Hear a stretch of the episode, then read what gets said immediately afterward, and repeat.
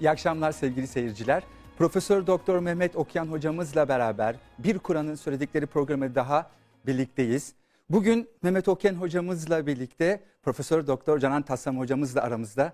Hocam hoş geldiniz. Hoş bulduk. Nasılsınız hocam? İyisiniz. İyiyiz Allah'a şükür. Allah programı hayırlı etsin. Mehmet hocamla beraber program yapmak benim için her zaman zevk olmuştur. Hele Ramazan'da daha da zevk olmuştur. İnşallah yine güzel, hayırlı bir program olur. İnşallah hocam. Bereketli olur. Mehmet hocam sizler de iyisiniz inşallah. Elhamdülillah sağ olun. İdare ediyoruz. Şükürler olsun, hamdolsun. Hocam izin verirseniz Caner Taslaman hocamla başlamak istiyoruz. Tabii buyurun. Caner hocam e, günümüz Müslümanların bilimle ilişkisini biraz açabilir miyiz? Bilim, e, modern bilim Müslümanların inancına bir tehdit oluşturuyor mu?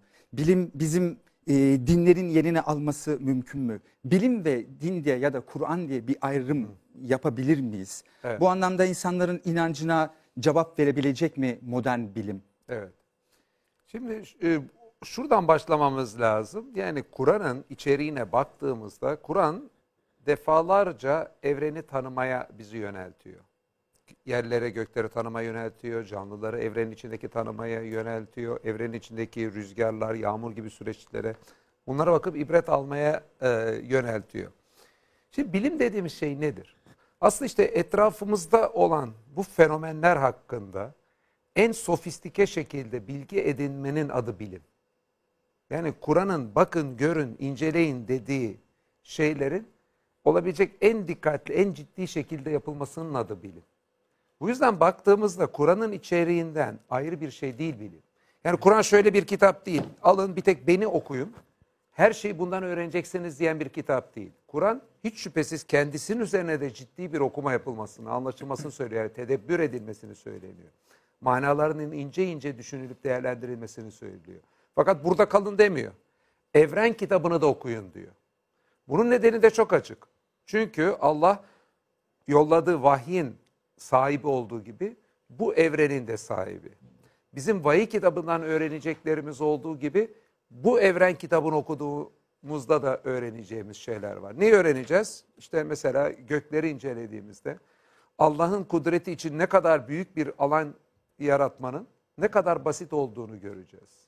Yıldızların yapısını, dünyayı incelediğimizde Allah'ın canlıların evrende var olabilmesi için ne kadar çok şartı arka arkaya getirdiğini öğreneceğiz. Yani Allah'ın kudretinin, Allah'ın bilgisinin delillerini görmüş olacağız.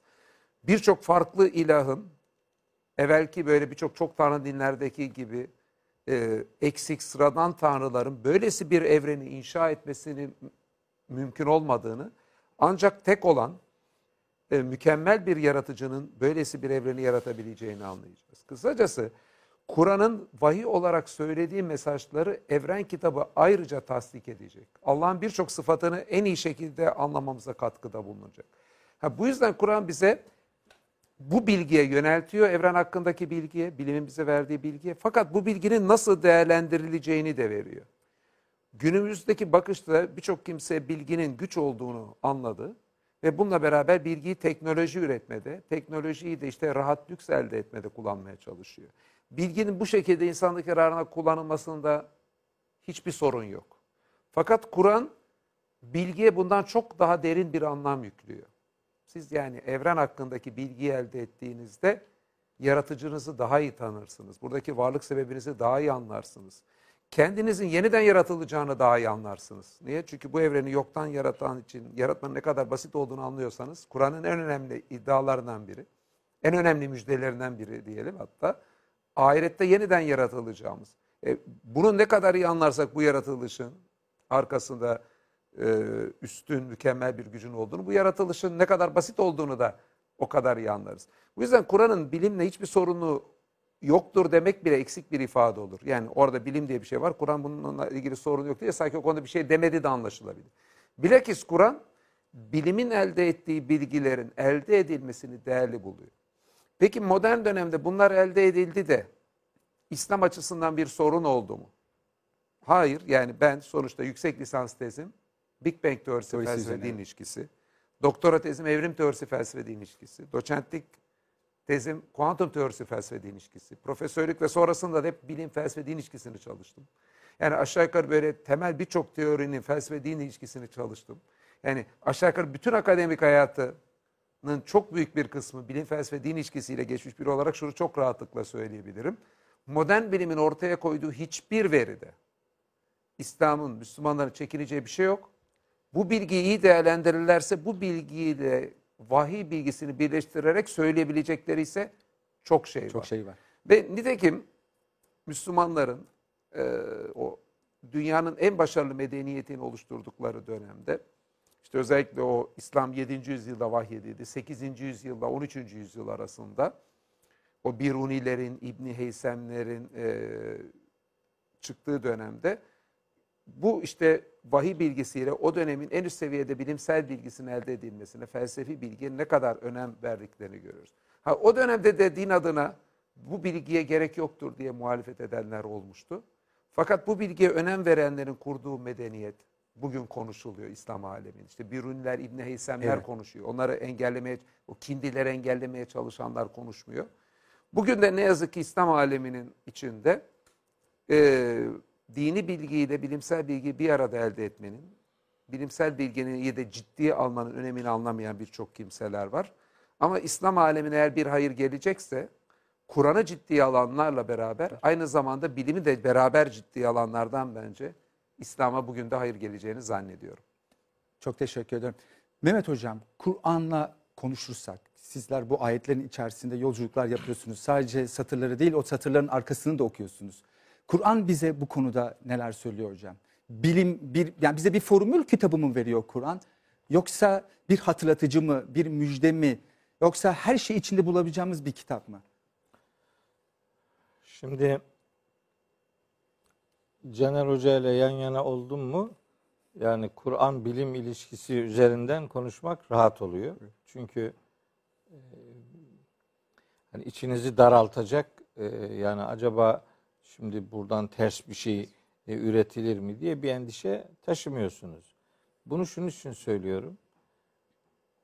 Bizim İslam dünyasında özellikle son e, yaşadığımız dönemlerde bizatihi ilahiyat çevrelerinden bile diğer çevrelerin kasıtlı sözleri bir tarafa bizim kendi bünyemizde Kur'an'ın bilimle nasıl bir irtibatı olabilir ki diye olumsuz bir bakış ortaya koyan e, çevreler var maalesef.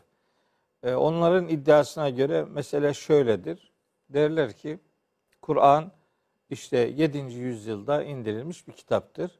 Nihayetinde hangi yıllar arasında indirildiğini de biliyoruz. 610-632 yılları arası 22-23 yıllık bir süreci içeriyor. O zaman bu kitabın bütün dedikleri ve demek istedikleri o ilk muhataplarının anladıkları şeylerdir demiş Evet. demek diyorlar hala. Yani o günün insanının anlayamayacağı bir şey ya da o günün insanının e, hakkında kafa yorma ihtiyacı hissetmeyeceği herhangi bir şeyi bu kitapta aramak doğru değildir. Dolayısıyla bu kitap o zihniyete göre hani tarihsel bir metin olarak önümüzde durur.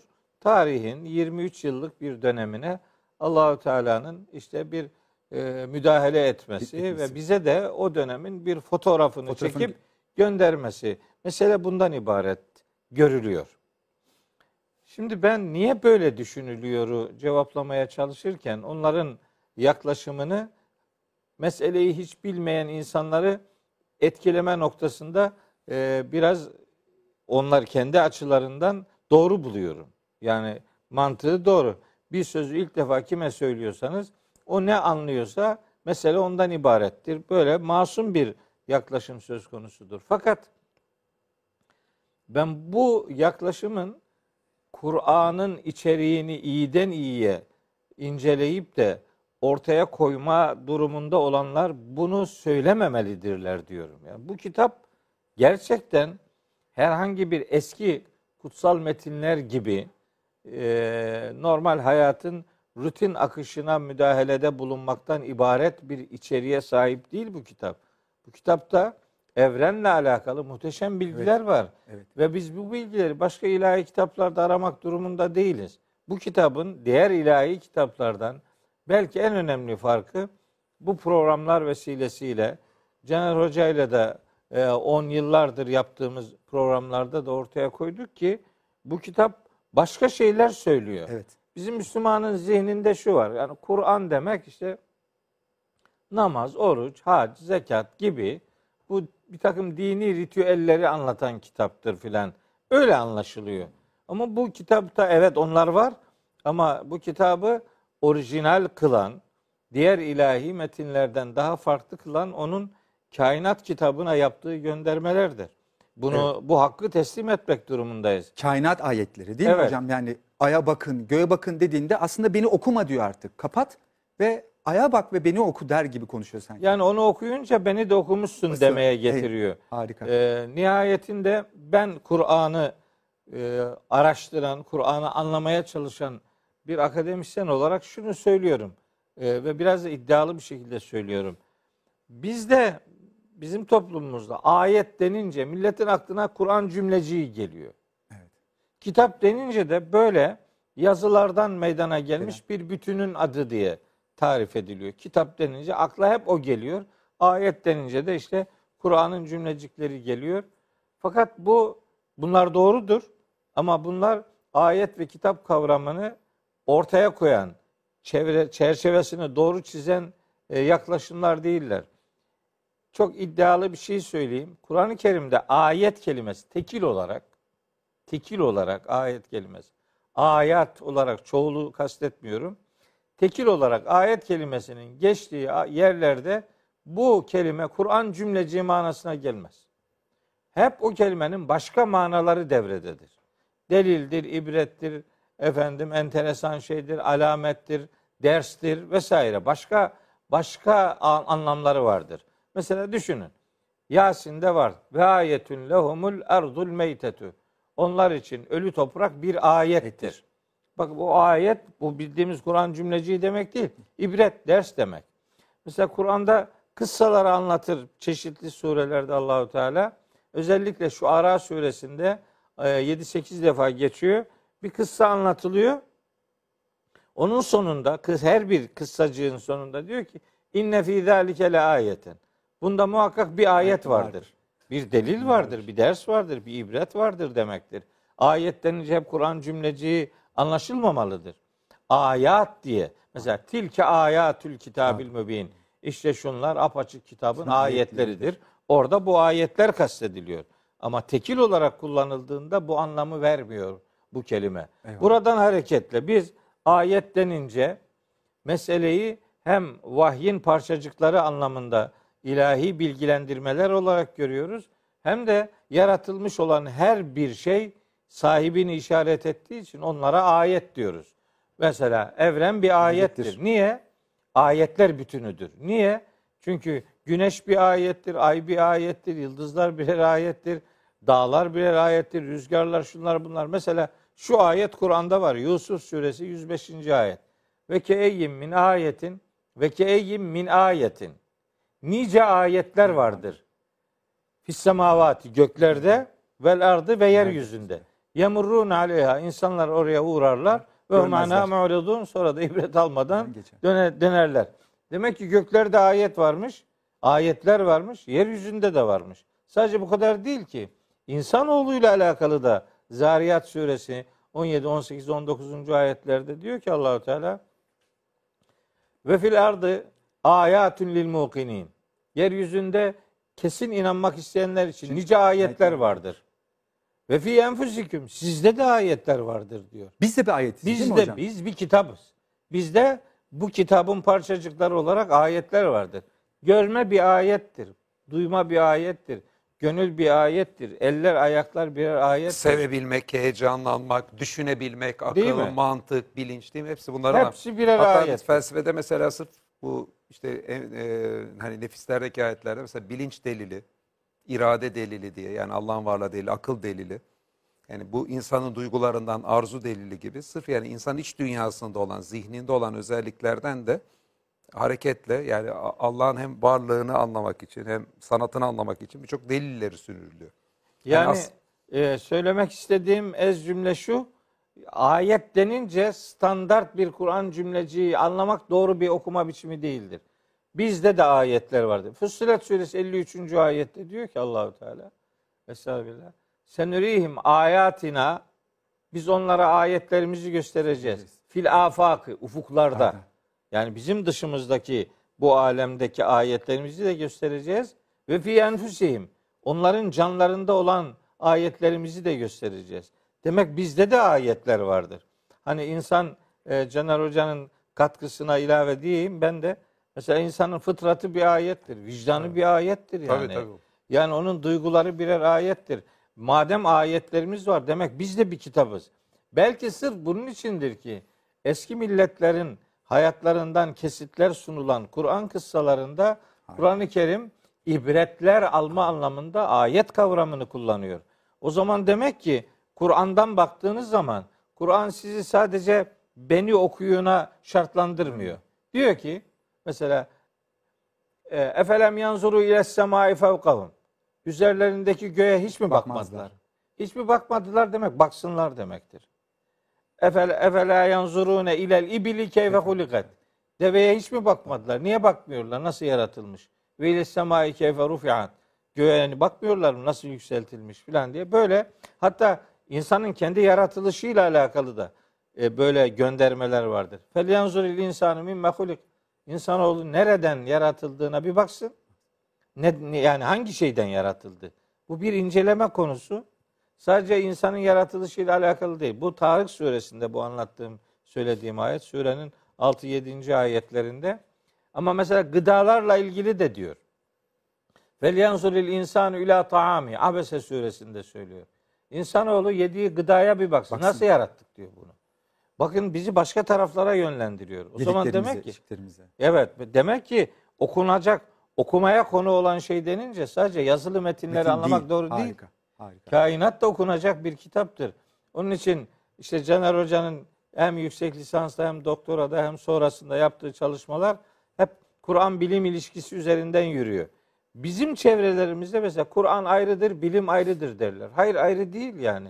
Kur'an bilime teşvikte bulunan, Kur'an bilimi insanlara işte tavsiye eden, emreden içerikleriyle bize başka bir okuma alanı açan muhteşem bir Bir metindir. de, hani bir de bu geleneksel bir İslami bakış da değil. İşin doğrusu değil mi hocam? 200 yıldan bir baktığımızda yani Kur'an'la o kendi döneminin bilimini birleştirmeye çalışmış birçok kimse var. Ya mesela hocamın uzmanlık alanı diyelim Fahrettin Razi tefsirde.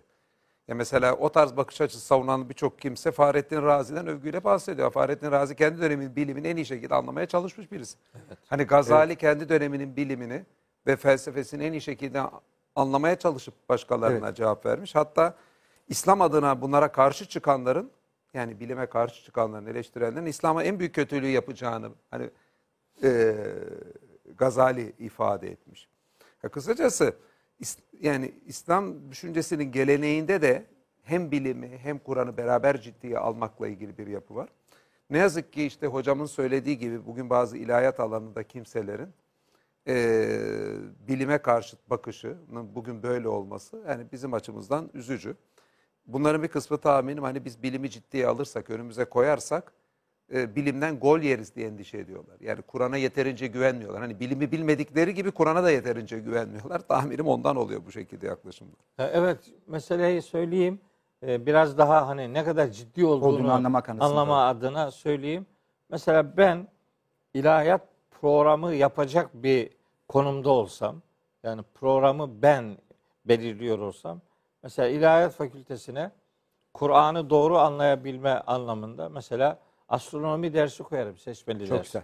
Fizik koyarım, kimya koyarım, biyoloji Matematik. koyarım, matematik koyarım. Yani değil mi? Embriyoloji koyarım, jeoloji koyarım, jeomorfoloji koyarım, antropoloji koyarım, sosyoloji koyarım, psikoloji koyarım. Yani bu kitapta bunların her birine dair göndermeler vardır. Bizim bütün yolculuğumuz Özgür kardeşim, e, Caner Hoca'nın da benim de başka bazı arkadaşlarımızın da bizim bütün yolculuğumuz e, Müslümanların gündemine hatta insanlığın gündemine, Gündemine. Kur'an'ı taşıma yolculuğudur. Yani bu kitabı mesela öyle ayetler vardır ki bir tıp insanı o ayeti benden daha iyi anlar. Kesinlikle anlıyorum. Bir astronomi bilimiyle uğraşan insan çok daha iyi anlayacağı ayetler vardır. Ama bu kitabı onların da eline vermeyi başarmak gerekiyor. Kesinlikle. Onlar da bu kitaptan acaba nasıl istifade edebiliriz? Bu kitap bana ne diyor diye ben biraz sloganik ifadeler kullanıp diyorum ki Kur'an-ı Kerim Allahü Teala'nın her insana gönderdiği mektubudur. Açacak her insan mektubunu okuyacak. Hangi gözle bakabiliyorsa, bilgi birikimi neyse, kültürel e, donanımı her neyse ona uygun olarak Kur'an-ı Kerim ona nice nice şeyler Harika, söyleyecekler. harika. Hocam ben kızımla e, en küçük kızımla bazen yolculuklara çıkıyoruz işte nedir parklara, bahçelere, ormanda, yolda yürürken diyorum ki bak diyorum bu Allah'ın ayeti ağaca bak. Kendisine ben diyen bir insan ağaçtan, doğadan kendisini ayrı görüyorsa tamamen kaybetmiştir. Bak bu ağaç diyorum fotosentez yapıyor, basit karbonları şekere dönüştürüyor. Benden belki de çok daha faydalı var bu doğaya. Onu sev diyorum, ona dokunuyor, sarılıyor, teşekkür ediyor. O şeyi kurmamız gerekiyor. Bir Evet. örnek sorabilir miyim hocam? Şimdi kendi dalımla ilgili değil. Kehf suresinde Zulkarneyn kıssası var. Zulkarneyn'e geliyorlar bize yardım et. Yecüc ve Mecüc bizde bozgunu çıkartıyor diyor. Evet. İşte e, 95. ayetten itibaren okuyayım. Benim Rabbim benim içinde bulunduğu kudret daha hayırlıdır. Siz bana kudretinize destek olun. Sizin onlar arasında aşılmaz bir engel yapalım diyor. Bana demir kütleler getirin. Sonunda iki dağın arasına aynı seviyeye getireyim. Yamaçların arasına kütleler getiriyorlar. Üfleyin, körükleyin demişti. Onu kur haline sokunca, şimdi demir kur haline geliyor ve getirin bana üzerine bir miktar erinmiş bakır dökelim. O zaman mühendislik fakültesindeyim. O ayete işte arkadaşlar konuşuyorlar falan merak ettim. Ya dedim ki kor haliyle ergimiş hali farklı bir faz. Kor halindeki demire ergimiş bakır döktüğümüzde ne olur dedim yani. Çok merak ettim. Ee, elektromanyetik mıknatısı olur diyorlar. İşte yani bugün kullandığımız çoğu şeyin kaynağında bu var. Çelik kapıları böyle yaptıklarını söylüyorlar ve ardından şey diyor zaten. Onlarda ne bir delik ne gedik açabilirsiniz diyorlar. Aslında bize bir şey vermiş, sanki bir ibretlik bir hikaye anlatırmış gibi ama kendisinde yolculuğa çıkmamızı istiyor diye düşünüyorum hocam. Evet. Yani daha onlarca örnek var. Şimdi ben Kur'an-ı Kerim'de hani böyle bilimin, doğrudan bilimin konusu olan ayetlere hani böyle diyelim farklı yorumlar yapmaya çok kendimi yetkin e, görmüyorum. Bu mühendislikle alakalı bir şeyse onu mühendisler daha iyi bilirler diyorum. Mesela sizin yaptığınız o değerlendirme sizin birikiminizin birikiminizin sonucudur. Ama ben diyorum ki bak kardeşim bu kitapta geçmiş milletlerin bir takım böyle nokta özellikleri anlatılıyor. İşte İrem'le alakalı bilgiler var.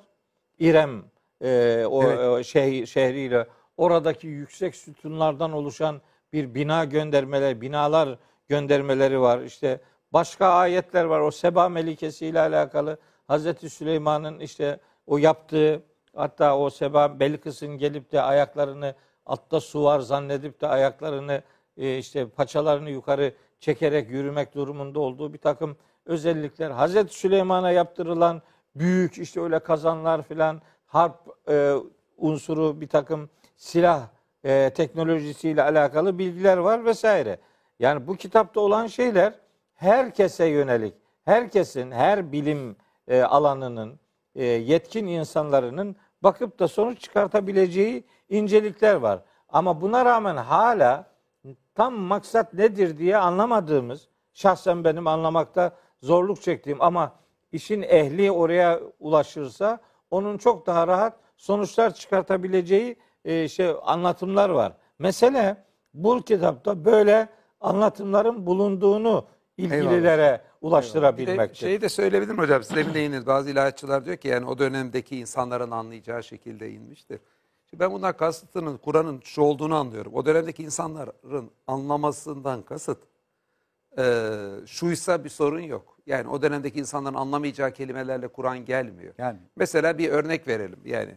Mesela yıldızların ışıkları söndürüldüğünde diyor Kur'an. Şimdi insanlar görüyor orada duran şeyin adı yıldız. Değil mi? Necm. Şimdi ışığının söndürülmesi nedir? Bu ışık olmayacak. Şimdi insan Kur'an'ın kelime olarak ifadesini bunu anladı mı anladı. Fakat biz bugün baktığımızda buna ilaveten şunu görüyoruz. Yıldızlar hidrojeni helyuma çevirerek Evet. ayakta duruyor. Ve bu sonsuza dek sürdürülebilecek bir süreç Şey değil. değil. Ve yıldızların ışıklarının sönmesi kaçınılmaz. Peygamberimizin döneminde ve daha önce birçok kimse yıldızları sonsuzdan beri var olan ışıklar zannediyor. Şimdi o dönemin insanı yıldızların ışığını söndüreceği ifadesinin ne olduğunu anlıyor da yıldızın içeriğinin ve yıldızın sönmesinin zaten kaçınılmaz olduğunu, hani Kur'an'ın kozmolojiyle bu iddiasının aslında kaçınılmazlığını o dönemde ortaya konulması mümkün değil.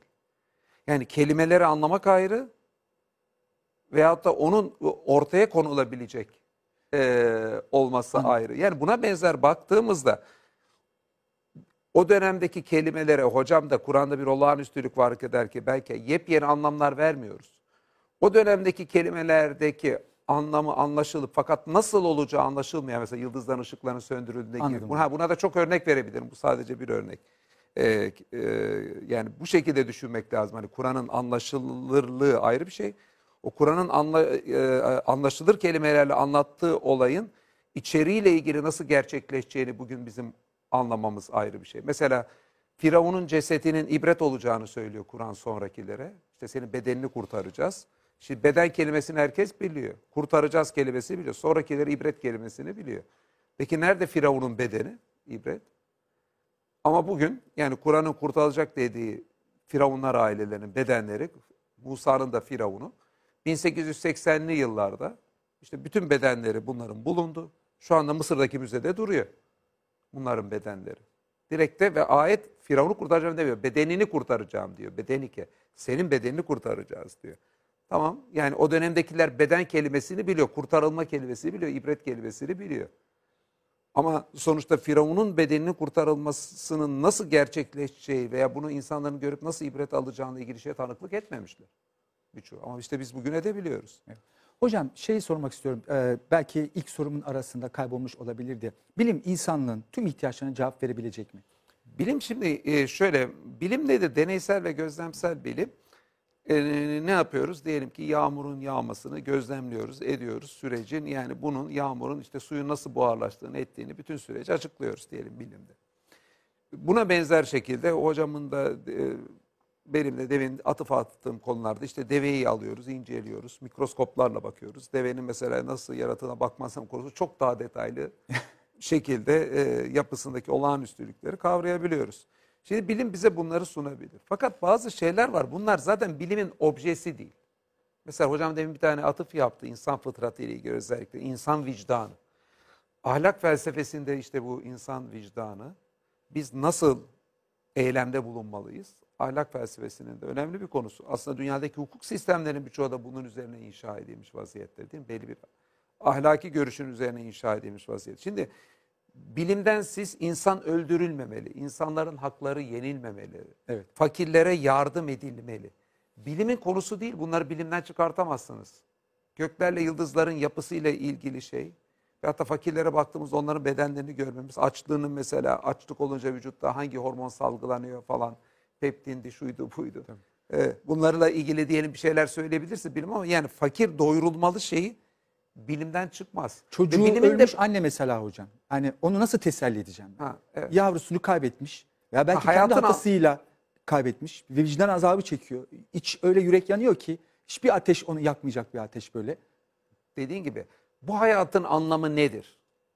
Ahiret var mı? Ahirette buluşma var mı? Bu hayatı nasıl anlamla? Yani demin söylediğimiz ahlak konusu, Eyvallah. hayatın anlamı, ahiret yaşamı gibi konulara geldiğimizde bilimin bunlarla ilgili e, bir e, şey sunduğu iddiası da hiçbir normal bilimden anlayan veya bir bilim felsefesi bilen hiç kimsenin de böyle bir iddiası yok. Şimdi ahlak, estetik, hayatın anlamı gibi konular bizim için çok çok büyük öneme sahip. Sevgi, değil mi? Ahiret yaşamı.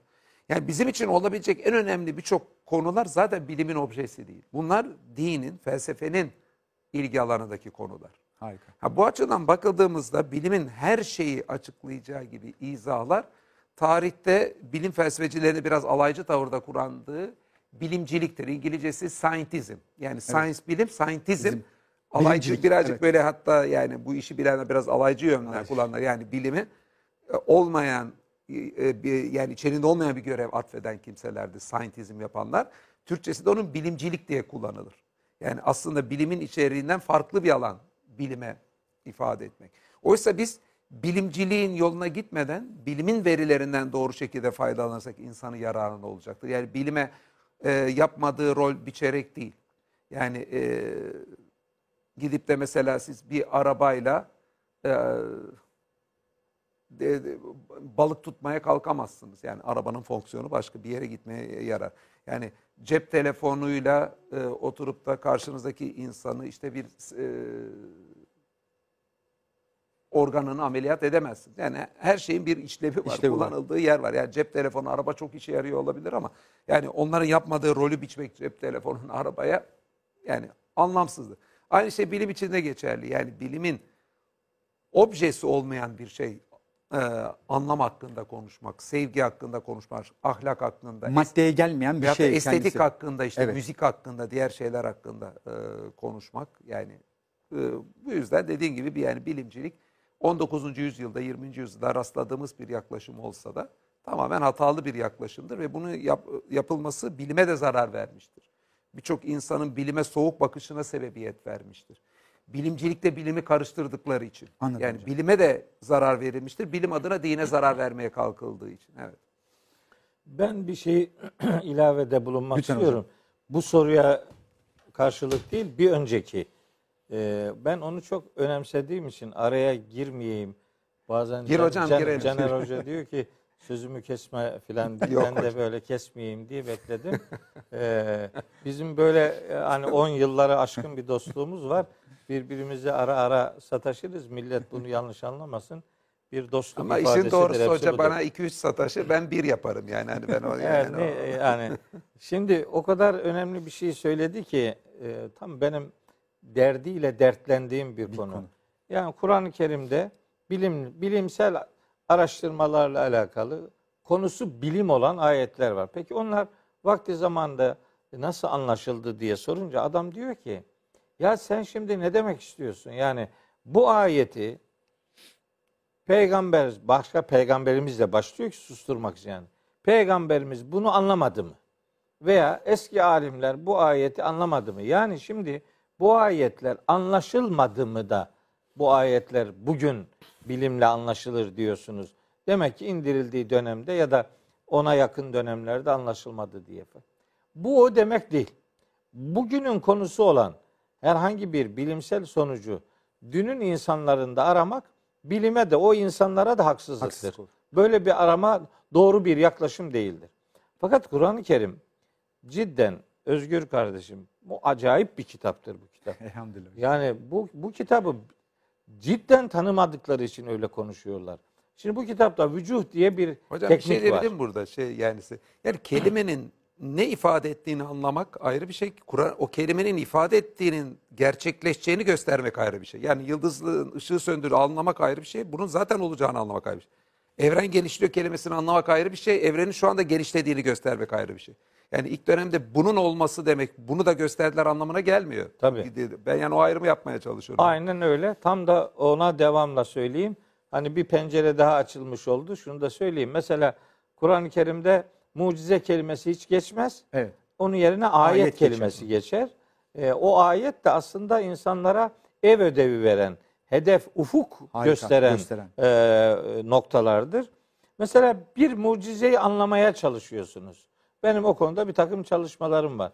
Caner Hoca'nın çalışmaları da hep öyle gidiyor. Bir şeyin mucizeliğini anlamaya çalışmak ya da onu belli oranda anlamak onu mucize olmaktan çıkarmıyor kardeşim. Siz inanıyordunuz, biz bilerek inanıyoruz. Aradaki fark bu. Mucizeyi tanıyor olmak, mucizenin kalitesini düşürmez, onu sıradanlaştırmaz ki. O zaten gene mucize.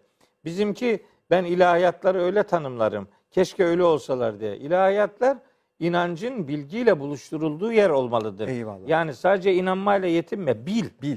Bilirsen senin olur. Bilmezsen başka bir rüzgar gelir seni savurur götürür. Tanınmaz hale gelirsin. Mesela ben işte Hazreti Meryem'le alakalı başka peygamber Evet kıssalarla alakalı bir şeyler söylüyorum. Bir şey anlamaya çalışıyorum. Hazreti Musa'nın işte o iki denizi ikiye yarması bu nasıl bir şey olabilir acaba diye filan bir şey anlamaya çalışıyorum. Adam diyor ki işte bak mucizeyi inkar ediyor. Hayır mucizeyi inkar etmiyorum. o mucizenin nasıl olduğunu anlayarak imanımı katma, katlamaya gayret ediyorum. Anlamak istiyorum. Anlamaya da mani bir durum yok. Yok. Siz bunu anlamazsınız demiyor yani. Allahü Teala'nın siz bunu anlamazsınız dediği yer var. Ne? Ölen adamın öldükten sonraki Gayb. halini anlamazsınız diyor ama bizimkiler hep onu anlamış gibi bir sürü kitap yazıyor yani. Yani e, yani o anlamazsınız kapattığı yeri Kabirde, bizimki azap. efendim dolduruyor ama anlayabilirsiniz, anlamalısınız dediği şey yok biz bunu anlayamayız diye e, kapatıyoruz. Yani böyle acayip bir çelişki yaşanıyor. Şimdi ne oluyor? Ayetlerin indirildiği dönemde üç tane örnek vermek istiyorum. Bilmiyorum program yetecek mi? Olmazsa Caner Hocam'la bir daha, bir daha, bir daha program yaparız. Ee, mesela diyelim alak, insanın yaratılış orijini olan alak kelimesinden söz ediyor. Alak kelimesi biz bugün ona yani embriyo diyoruz. Niye? Çünkü bu alak kelimesi böyle yapışkan şey, asılı duran şey anlamına geliyor. Hani muallakta kalmak, asılı durumda kalmak. Muallakayı seb'a derler. Kabe'nin duvarına Evet e, asılı yedi metin. O s- muallaka asılı duran demektir. Hatta Haceri muallak derler şeyde Kudüs'teki hani e, peygamber Havada. çıkan havada havada filan değil, Değil, tabi. evet. Neyse yani teknik olarak öyle kullanılır. Böyle asılı duran şey. Şimdi bu ayet indirildiğinde elbette bunun embriyolojideki karşılığı bilinmiyordu o zaman. Yani o zaman alak kelimesine embriyo diyemezdi insanlar. Henüz embriyonun keşfedilmediği dönemde. Peki ne dediler? Dediler ki işte asılı duran şey hatta bunun asılı duranından da öteye geçtiler. Alak kelimesinin anlam dünyasında bulunan başka bir anlamı devreye koydular. Nedir o? Alak, alaka, İlgi. ilgi demek. İlgi ve alakadan İnsan yarattım. ilgiden, alakadan, sevgiden yaratılmıştır diye ayeti öyle yorumlamışlar. Yanlış değil ki bu. Bu ayetin o günde anlaşıldığının gö- görüntüsüdür. Ama Kur'an'daki kelimeler öyle kelimeler vardır ki tek ve standart anlamlı değildir Değil. bunlar. Bunlara biz vücuh diyoruz.